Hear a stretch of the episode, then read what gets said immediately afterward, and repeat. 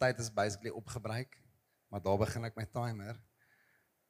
Ek gaan nie vanaand 40 minute kan preek nie, soos wat ek gewoonlik doen. Die van julle wat nie weet nie.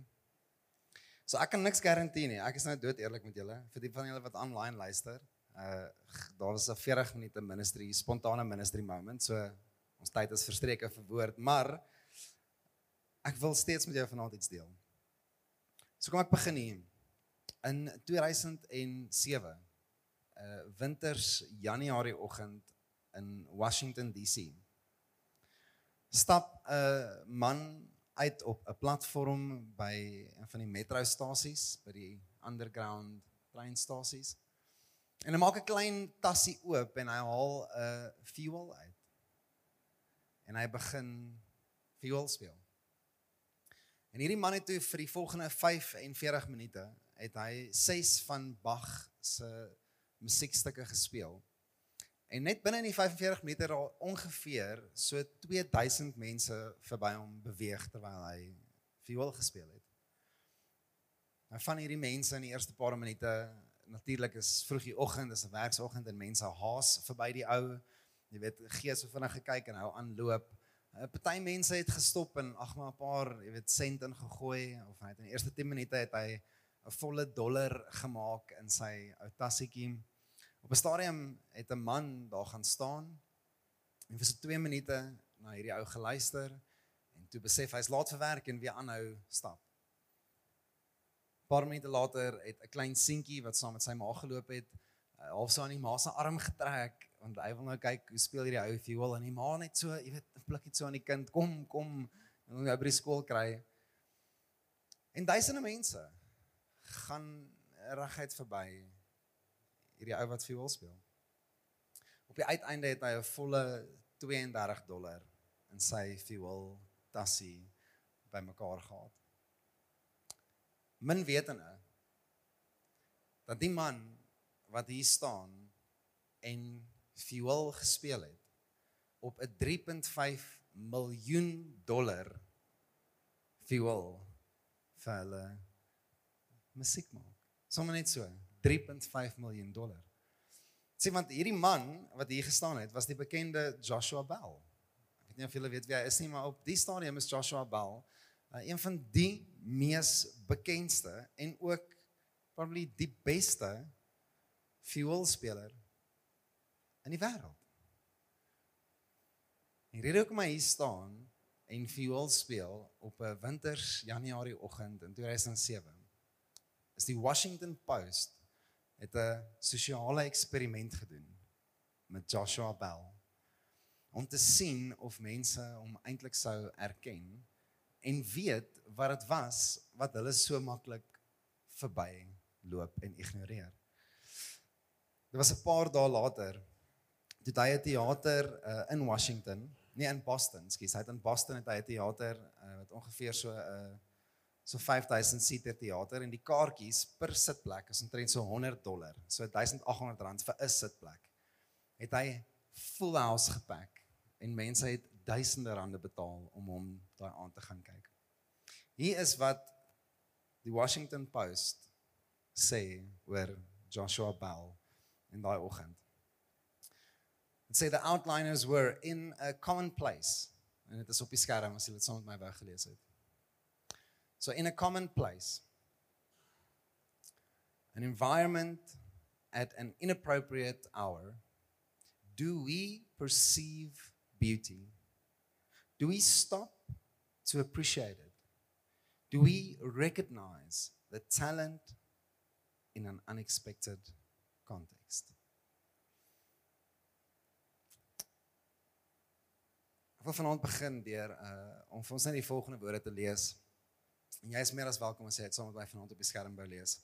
Want sê our worship should be aimed at the one responsible for all we have in the world and not the things themselves. Ons is in week 2 van ons reeks uh, in Kolossense. Ons preek twee keer 'n jaar deur boeke van die Bybel vers vir vers. En so vir ons is dit regtig prioriteit om stil te staan by wat geskryf was in 'n brief aan 'n kerk in uh, in Kolossense. En soortgelyk tot eintlik maar ons samelewing vandag was hierdie kerk in die midde van 'n klomp invloede oor hoe die mense dink en wat hulle glo en wat hulle doen en hoe hulle leef. En so van hierdie mense was opgevang en ons het nie vanaand al die tyd weer eens maar aan te gaan nie, maar was so opgevang in die materialistiese goed van die lewe en ek kan net imagine 2000 jaar terug, het nie eens baie gehad nie. Hy het 'n kameel en sand gehad hy. Soos met wat kon jy opgevang geraak het? Maybe brood en wyn, maar soos dis kind of dit. Vandag het ons soveel meer dinge en goeders wat die vermoë het om jou aandag werklik af te trek. Nou ek wil vanaand saam met ons dadelik inspring uh in ons stuk skrifte vanaand in Paulus om vir konteks te gee. Het amper poëties die volgende stuk geskryf as verklaring oor wie Jesus is. En vir ons in hierdie reeks in die tema van Kolossense is dat nothing is ultimately greater than Jesus. Jesus is the greatest. Ons het dit onder gesing. He is the name above every name. He is Lord of all. En so die vraag vir soveel Christene is so what? Wat nou? Jy weet, kan of soos hoe beïnvloed dit my lewe? Hoe beïnvloed dit wat ek doen en hoe ek dink en hierdie goeters rondom my? En hier is wat Paulus baie poeties vanaand aanpak en wat ons vanaand gaan unpack. So spring saam met my in Kolossense 1 net vers 15 tot vers 17. Dank die Here. Ek het vanaand gekies om net hierdie stukkie te lees wat ek beloof julle ons sou baie langer hier gesit het. Maar kom ons klim in. Sê he is the image of the invisible God, Jesus. He's the firstborn over all creation for everything was created by him. In heaven and on earth, visible and invisible, whether thrones or dominions or rulers or authorities, all things have been created through him and for him. He is before all things, and by him all things hold together. Ek wil net vyf goed vanaand met jou deel, maar my my eintlike hart vanuit hierdie uh is dat ek wil vir jou vyf vrae vra. Ek is baie min in 'n preek waar hulle jou kan of los met vrae. Ek dink dis nie helpful nie, nê? Ek dink hulle verwag kan hulle antwoorde. Mou, ek het reeds baie vrae. Geef my antwoorde. Daarom is die antwoorde op al vyf hierdie vrae enkel woord antwoorde. So dis dis multiple choice, okay? Dis either ja of nee. En so hierdie vyf vrae glo ek gaan jou in 'n rigting wys, soos wat ons vanaand gesê het, that all our attention, all our worship should be aimed. Okay? So of jy nou wat saam met my Fortnite speel of Call of Duty, bad aim is nie 'n goeie ding nie Nee? Bad aim is never good, nee, Pieter? in jou geloof en in jou pad met die Here het ons nodig om sniper, military grade aim te hê as dit kom by hoe ons ons geloof aanpak. Ons kan nie roekeloos of reluctantly ons aim op iets sit nie. Ons wil met clarity ons aim rig. So this is how we're going to do it. Die eerste punt wat Paulus maak is dat die verstaan dat Jesus, God, is werklik ten volle God en ten volle mens. Hy begin hierdie ding, hy sê he is the image of the invisible God en ek wil gou ek net vinnig vir julle hierdie wys dat beide Kolossense 1 vers 19 maar ook Kolossense 2 vers 9 sê albei eintlik maar dieselfde ding. So Paulus het gedink dit is nodig om jou meer as een keer te herinner oor hierdie. En hier is hoekom. Hy sê die volgende woorde. Hy sê for God was pleased to have all his fullness dwell in him, Jesus. For the entire fullness of God's nature dwells bodily in Christ. Dis die Griekse woord wat daar gebruik word, image, nê? Nee? Net image. He's the image of the invisible God. Die Griekse woord is icon. Nee, nie icona nie, icon. En icon is van waar ons die woord kry. Icon, 'n ikoon, né? Nee? Nou hierso is waar dit nou vir my so mooi is dat wanneer iets 2000 jaar terug geskryf is en die oorspronklike bedoeling van hierdie ding actually steeds vandag so gebruik word. Want wat doen 'n icon? Okay, ek weet nie op jou foon hoe lyk jou home screen nie. Myne is is redelik netjies. Ek het nou baie notifications, maar die icons op my foon is almal arranged, né? Nee? En ek het 'n folder vir church and productivity en vir social media en vir music en vir travel en vir fotos en video en vir writing en vir kommunikasie. Al my icons is arranged. Maar wat doen 'n icon? Wat is dit veronderstel om te doen? Dis wat dit is. As jy double klik op 'n icon in closing what is in it is revealed. 'n Ikoon, die Griekse konsep van icon was die opsomming en die perfekte weerspieëling van iets groter. En ek het nodig om op hierdie ding te double klik. Jesus is die een wat God in sy volheid openbaar vir jou. So, Mo, ek wil groei in my geloof. Ek wil ek wil 'n helderder verstaan hê van wie God is en hoe hy met my werk en wat hy vir my wil hê en wat ek supposed is om te doen en en wat hy oor my sê. Wat het hy te sê oor my finansies en my verhoudings? Wat het hy te sê oor my identiteit? Wat het hy te sê oor die bad stuff wat al met my gebeur het in my verlede? Wat het God te sê oor die seer en die pyn en die gebrokenheid van die wêreld? Jy gaan met double klik op Jesus. Hoor gou wat sê 1 Johannes of, of 14, Johannes 14 vers 9. Hy begin vers 9. Hy sê Jesus said to him for Philip, Philippus, say have I been among you all this time and you do not know me? The one who has seen me has seen the Father. So how can you say show us the Father? Wanneer Jesus nie net vir ons iets van God kom wys het nie. Wat baie ouens dink, dis wat Jesus kom doen het. Jesus het vir ons iets van God die Vader kom wys, nê iets van God se genade. Jesus het vir ons iets kom wys van vergifnis. Hy het hy het vir ons ietsie kom wys van God. Die Bybel sê vir ons, hy het nie vir jou iets van God kom wys nie. Hy het vir jou God kom wys. Hy het nie vir jou ietsie van God kom wys nie. God was revealed in the person of Jesus.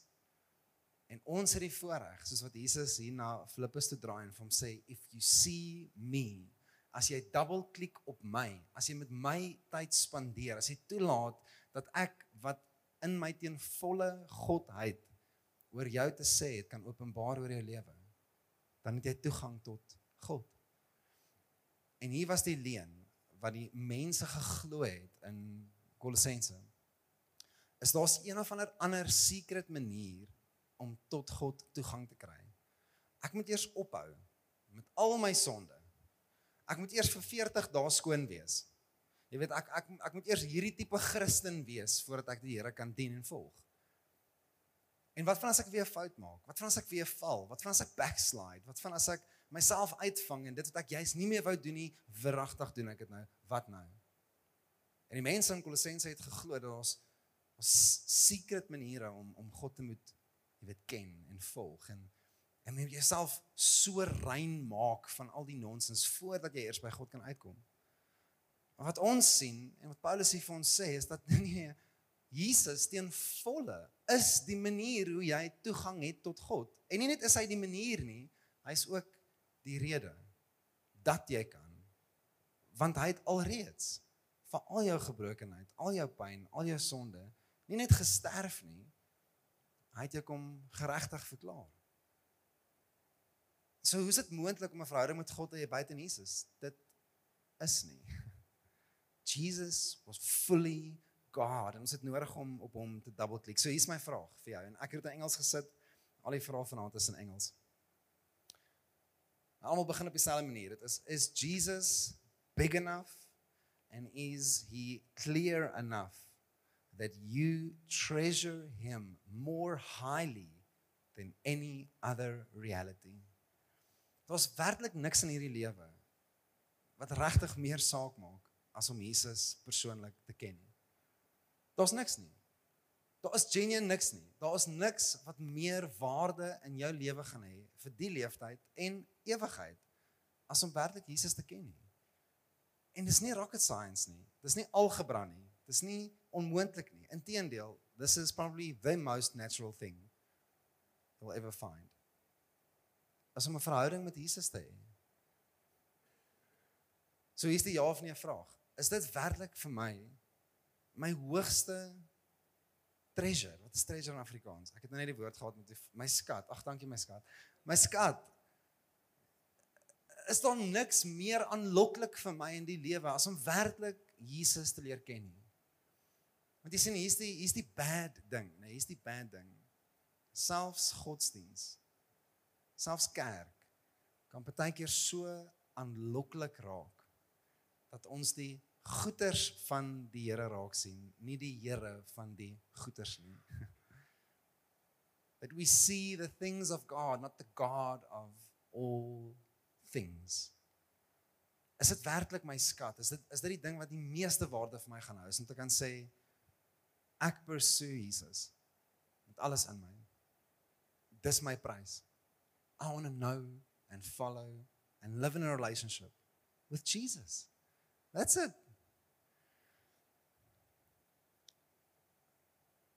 Die ding wat Paulus van skryf is dat Jesus was before all things. In vers 15. Ek moet my tyd dophou want ek weet ons gaan vanaand Ag, ek het 6 minute oor. Jesus was before all things. Ek wil gou vir jou 'n quote lees van John Piper. Dit is my so helpful en Engels sê dit so mooi. Almal van julle wat Engels is, Jason, jy's gebless ou. Flip wat jy's gebless. Om Engels te moet praat is 'n blessing. So hoor gou wat sê John Piper. Hy sê why would Paul say that? That Jesus is is the firstborn over all creation. Why would Paul say that? Dit is op die skerm. It is so obviously implicit in virtually everything else that he says about Christ in this paragraph. Dis amper is voor die hand liggend. Ja, Jesus is die eerste hy's die seun van God. Dis amper it's implied. Ons weet dit. Maar hy sê well sometimes it is very good to make implicit it's the glorious things explicit. Hier's hoekom. Things that we just pass over and don't even ponder. I invite you to ponder the fact that before there was anything else, Christ was. En dis hoekom dit nodig was vir hierdie ouens om dit te moes hoor. Is dieselfde as Joshua Bell wat net aan die subway met hierdie fuel speel. And we miss the beauty of it want ons ponder dit nie. Ons ons jaag verby dit, nê. Wie was Jesus? Nie die seun van God.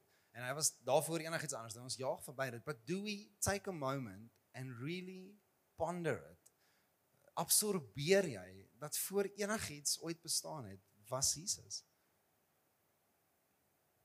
Baie ons sien God as, jy weet, God die Vader was die God van die Ou Testament en Jesus die redder, die wat op die kruis dood gegaan het, hy was die God van die Nuwe Testament. Jy weet en dan die Heilige Gees was hier ergens in die kerk van Handelinge vir ons gegee en hy werk vandag.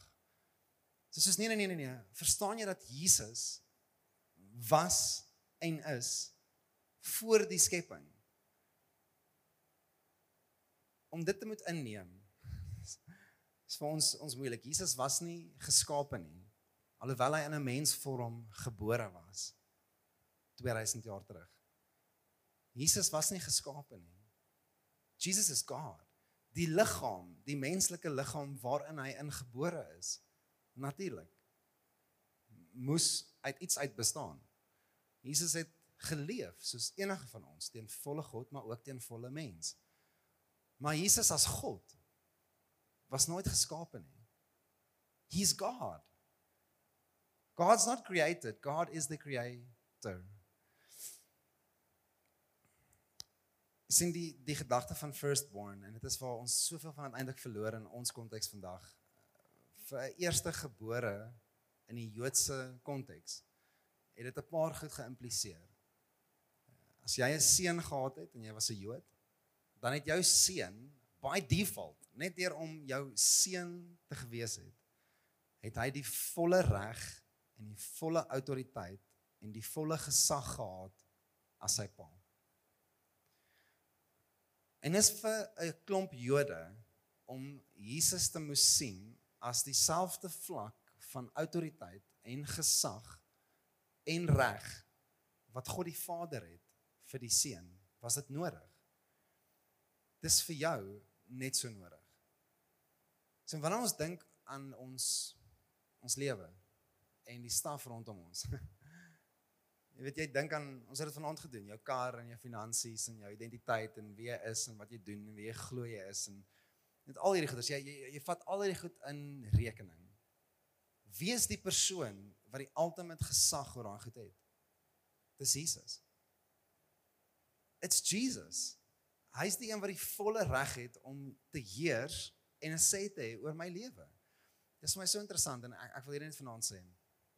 Hoeveel die wêreld vandag hulle ore wil uitleen aan die inspraak van die wêreld oor wie hulle is en wat hulle moet wees. En ons kan nie lysie maak van al die goed en ek gaan dit nie vanaand doen nie. Ek wil niemand uitsonder nie, maar julle weet, al die identity stuff tans in die wêreld. Die wêreld moet me, moet bepaal en vir my sê wie ek is. Jy weet, ek moet bepaal wie ek is, hoe ek voel, hoe ek myself sien. Maar hier trek die Bybel vir ons dit so mooi reguit. Is dat die grootste inspraak oor jou lewe is Jesus. Hy is nie die grootste skat in jou lewe nie, hy is die grootste inspraak oor jou lewe. It's his word that is going to define who I am. It's Jesus. There's nothing greater.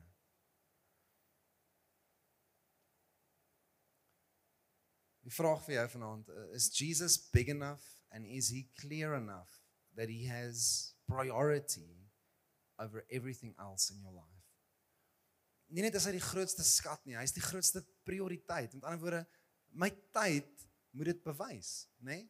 My oortuigings moet dit bewys. Die feit dat ons hier vanaand sit en jy raak vir self gesê daar's soveel ander staf wat ek kon doen. Ek meen ek kon Fortnite speel by die huis. Ek kon, jy weet, die Rugby World Cup rewatch en daai glory moment relive. Daar's soveel nicer goed vir my om te gedoen het, maar ag ja, ek sal na my kerk toe kom. Jy het nog nie die prioriteit dan teen volle vasgemaak oor wat Jesus actually vir jou is nie. Dit sien jy dan hoe als rondom jou en jou huwelik en jou verhoudings en jou finansies en jou jou ambisies en jou passie en jou roeping en jou vriendskappe en als rondom jou sien jy hoe daai goed leeg bly wanneer ons nie begin by Jesus nie. Dit is interessant hoe mense kerk toe hardloop wanneer alse mekaar instort. Die punt was as jy probably hier was, nie dat hier enigiets special hier is nie, maar dat dit die bewyse gedra het dat dis 'n prioriteit vir my. Dit wat belangrik is vir Jesus, moet belangrik wees vir my. Wat noem Jesus sy kerk? Wat noem Jesus die kerk? Enigiemand help my vanaand, help my. Sy bruid. Dis belangrik vir hom. Is it priority for me? Because it is a priority for him. Jesus created everything that is not God. Ek wil hê jy moet hierdie vanaand sien wat Paulus hier skryf. Hy sê in vers 16, "For everything was created by him, in heaven and on earth, visible and invisible, whether thrones or dominions or rulers or authorities, all things have been created through him." Jesus het alles gemaak wat nie God is nie, want God is nie gemaak nie. So help my gaan met die definisie van alles alles beteken? Alles. Okay, fantasties. Everything means everything. Die Bybel is letterlik daar. Nie figuurlik nie, letterlik. Alles wat ons het is deur Jesus gemaak. So kom ons vat net gou drie goed vanaand en ek wil net hierdie sien. Wie ek is, wat ek doen en wie ek ultimately word. Is die drie goed wat ons moet erken. Nie net het God my liggaam veroorsaak en gemaak nie. Nie net dat hy die goed rondom my gemaak nie, die materiële goeders nie, jy weet.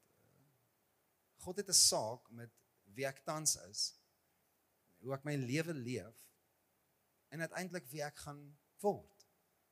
So die baie bekende woorde Jesus loves you just the way you are. But he loves you enough to not leave you the way you are. nee. Hy het 'n saak met wie ek word. Inteendeel die Bybel sê dit vir ons. Hy's besig om ons te vorm meer elke dag in wie hy is. Dit is my interessant dieselfde woord image wat sê Jesus is the image of the invisible God, the icon, die double klik op hom en jy sien wie God regtig is. Dis dieselfde woord, presies dieselfde woord, net wat in Hebreëus gebruik word in Genesis toe God gesê het kom ons maak mens in ons icon. dat wanneer jy double klik op my lewe, dan sien jy God wanneer jy double klik op my vriendskappe, wanneer jy double klik op my tyd, wanneer jy double klik op my finansies, wanneer jy double klik op my as 'n icon, dan sien jy God enclosed in me. Dis wat Jesus in jou wil vorm en wil maak. Hy het 'n saak met wie jy is en met wie jy gaan word. Die ma, die pa, die vriend, die werknemer, die werksgewer, die besigheidsman, die sportman, hy het 'n saak met wie jy gaan word. En die vraag is, is Jesus big enough and is he clear enough that I surrender everything under his lordship? Probeer ek nog self God speel oor my lewe? God met 'n klein g? Of kan ek bely? Can I confess dat my lewe behoort nie aan my nie. My lewe behoort aan hom. Hy sê wat hy vir my gegee het. So ek dink is kind of voor die hand liggend dat ek gaan submit onder wat hy vir my begeer. Wanneer God vir my sê, daai is nie goed vir jou nie, gaan ek dit nie doen nie. Wanneer God vir my sê hierdie is wie jy is, dan gaan ek dit glo. Wanneer God vir my sê ek het jou vergewe en vrygemaak, dan gaan ek dit aanvaar en ek gaan so leef. Kan jy vanaand saam met my hierdie erken? If Jesus is not Lord of all, he's not Lord at all. Ons het nodig om te submit. En partykeer moet ons onsself herinner aan dit, nê. Nee. Jesus sê dit, gaan dood tot jouself. The one who loses his life will gain his life. Wanneer ek oorgee en submit, is dit teen volle wanneer Jesus in en deur my werk. Dis 'n vinnige een vir ons wat Paulus in vers 17 sê. Hy sê Jesus holds everything together. In vers 17, he's before all things and by him all things are held together. So nie net is Jesus die rede vir wat als geskape is nie. Not just is is he the reason maar aan die ander kant is also the reflection. Hy sê een wat as ons na hierdie goed kyk, dan sien ons hoe God nie klaar gewerk is nie. Dit is nie asof Jesus 2000 jaar terug op die kruis iets gedoen het en toe jy weet incognito en hy sê MIA en Jesus het niks meer verder om te doen nie. Hy het niks meer verder om te sê nie. Uh ons verwys terug net na jy weet 2000 jaar terug toe wat Jesus gedoen het en dis waar hy gestop het om te werk. Jesus is not done yet. Hy's nie klaar nie. Jesus is nog nie klaar gewerk nie. Wat ons sien in ons lewens is 'n refleksie, soos 'n spieël. Die bewys dat God steeds werk. Steeds in my werk. Dit is my so uh, op, opvallend. Ons het nou in hierdie week 'n begrafnis gehad. En my niggie wat ek probably, ek weet nie, 10 jaar laas gesien het.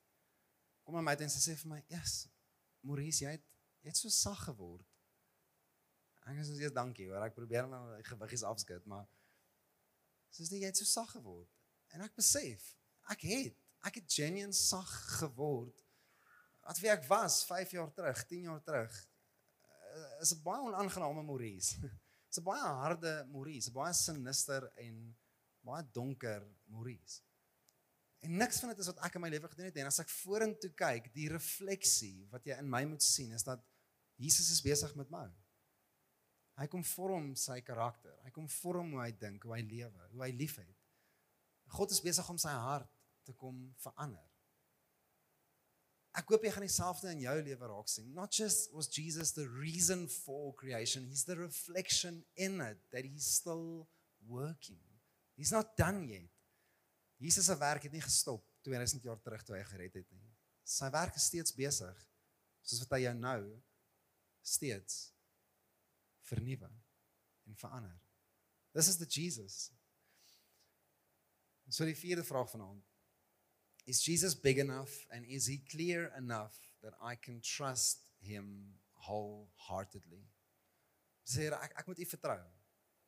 Dat alhoewel groei en as ek gaan moet volwasse word en as ek gaan moet staf stop in my lewe en as ek gaan moet goed anders te doen in my lewe gaan dit ongemaklik wees. Dit gaan nie altyd lekker wees nie. Jy weet, dit is nie altyd lekker wanneer God jou jy weet kom challenge nie, is altyd lekker nie. Maar gaan ek jou vertrou? Gaan ek jou vertrou dat wie ek tans is en wie ek gaan wees veilig is in U hande? Gaan ek U vertrou dat U beloftes oor my lewe werklik waar sal wees? Dis 'n vraag wat elkeen van ons 'n een eenvoudige ja of nee op gaan kan antwoord. Om te kan sê hierdie is werklik vir my die oortuiging. Jesus is greater than everything because I can trust him wholeheartedly. Hy's goed en hy's getrou. I can bank my life on him. Ek kan my verhoudings en my finansies en my ambisie en my roeping en my plesier en my genot en my toekoms en my verlede en alles wat ek het en alles wat ek gaan verloor en alles wat ek gaan kry, I can bank everything on him and trust him wholeheartedly.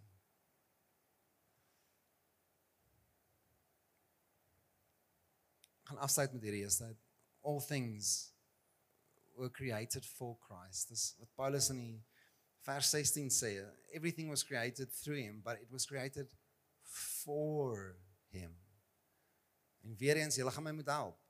All things is all things. Is alles. En so hier is wat ek vir 2 minute wil opsom. God het nie ons aanbidding nodig nie. Ons aanbidding maak hom nie meer God nie God het nie ons aanbidding nodig nie. Hy begeer dat ons hom gaan aanbid, dat ons sy glorie gaan sien. Maar ons het nodig om aanbidding te rig op hom. We have to aim our worship at something. En dis waar die kerk van Korinte ongelukkig hier gefaal het. They were constantly aiming their worship at the things of God, not the God of things. Ek het my plesier en my genot en my vervulling in goeders gekry, die goed wat ek nagejaag het. Die nice stuff van die lewe en selfs dis nie eers materialistiese goed nie. Ander mense se opinies, ander mense se smile en se jy's jy's 'n nice ou. Wie is jy lyk like mooi vandag? Ek het my vreugde en vervulling gaan soek op plekke buite in God. And I walked away disappointed elke keer. Want hier was hoekom. I was supposed to aim my worship at the God of things, not the things around me. Ek wil vir jou 'n vraag vra. Goed soos en, en die lys is so lank, maar hy's 'n paar goed. Musiek, kuns, sport, werk, jou verhoudings, jou talente, uh om die lewe te kan geniet, besigheid, jou studies, jou werk, jou werksplek, al hierdie goeders. If everything was created for God, as alles rondom ons gemaak was vir Jesus, dan is die vraag, hoe gaan ek hom kan eer in alles? God gave us life. So alles wat ons doen in hierdie lewe, spreek eer, honor na hom toe. Elke keer as ek as ek iets beleef van van victory, nê, nee, of as ek iets beleef van plesier of van excitement, it is testament tried and true that God is alive. Van die kleinste goed tot die grootste victories, van die kleinste moments van saam kuier en vriende en gaan kamp en jy weet lag vir 'n meme en jy weet die rugby world cup geniet en pizza eet. Ek meen come on. Of dit staan die natuur and it's just it's all. Everything everything was made for Christ. It's to display his glory. God wil nie hê jy moet so stak op lewe dat jy mis wat hy vir jou beplan het om werklik te geniet nie. It's for him it's for his glory. En as 'n bekende quote God is most glorified when we are most satisfied in him. Dis die punt. Die vraag is, is Jesus big enough? Is he clear enough that I can honor him in everything I do? Jy hoef nie skuldig te voel om jou lewe te geniet nie. Jesus begeer vir jou lewe. Hy begeer vir jou vervulling in jou verhoudings, in jou finansies, in jou werk, in jou sport, in jou besigheid. All of it will ultimately speak of God because it is testament to God. Kom ons bid saam. Here ons sal vanaand kom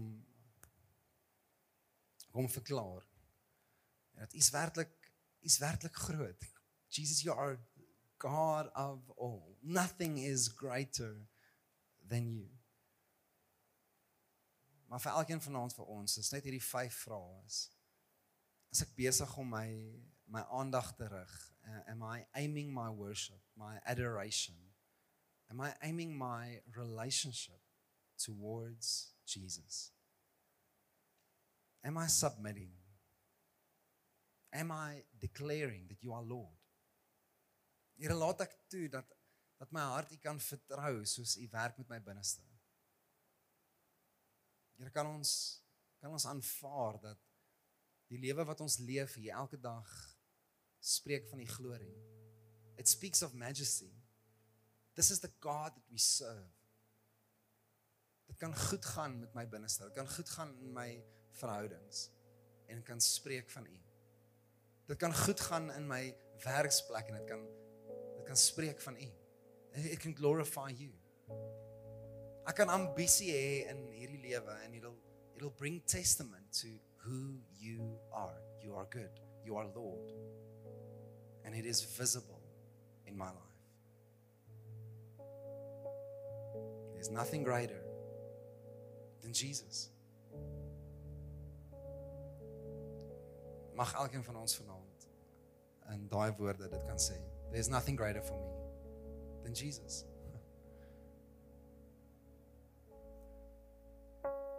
Ons gaan net 'n moment vat om uh, om saam te worship en ek wil jou nooi om hierdie tyd saam met ons te gebruik om om jou worship te aim na die Here toe. To say God, this is this is priority for me. En so maybe kan ek jou vanaand stretch. Sit jou hande in die lug. Gaan op jou knieë.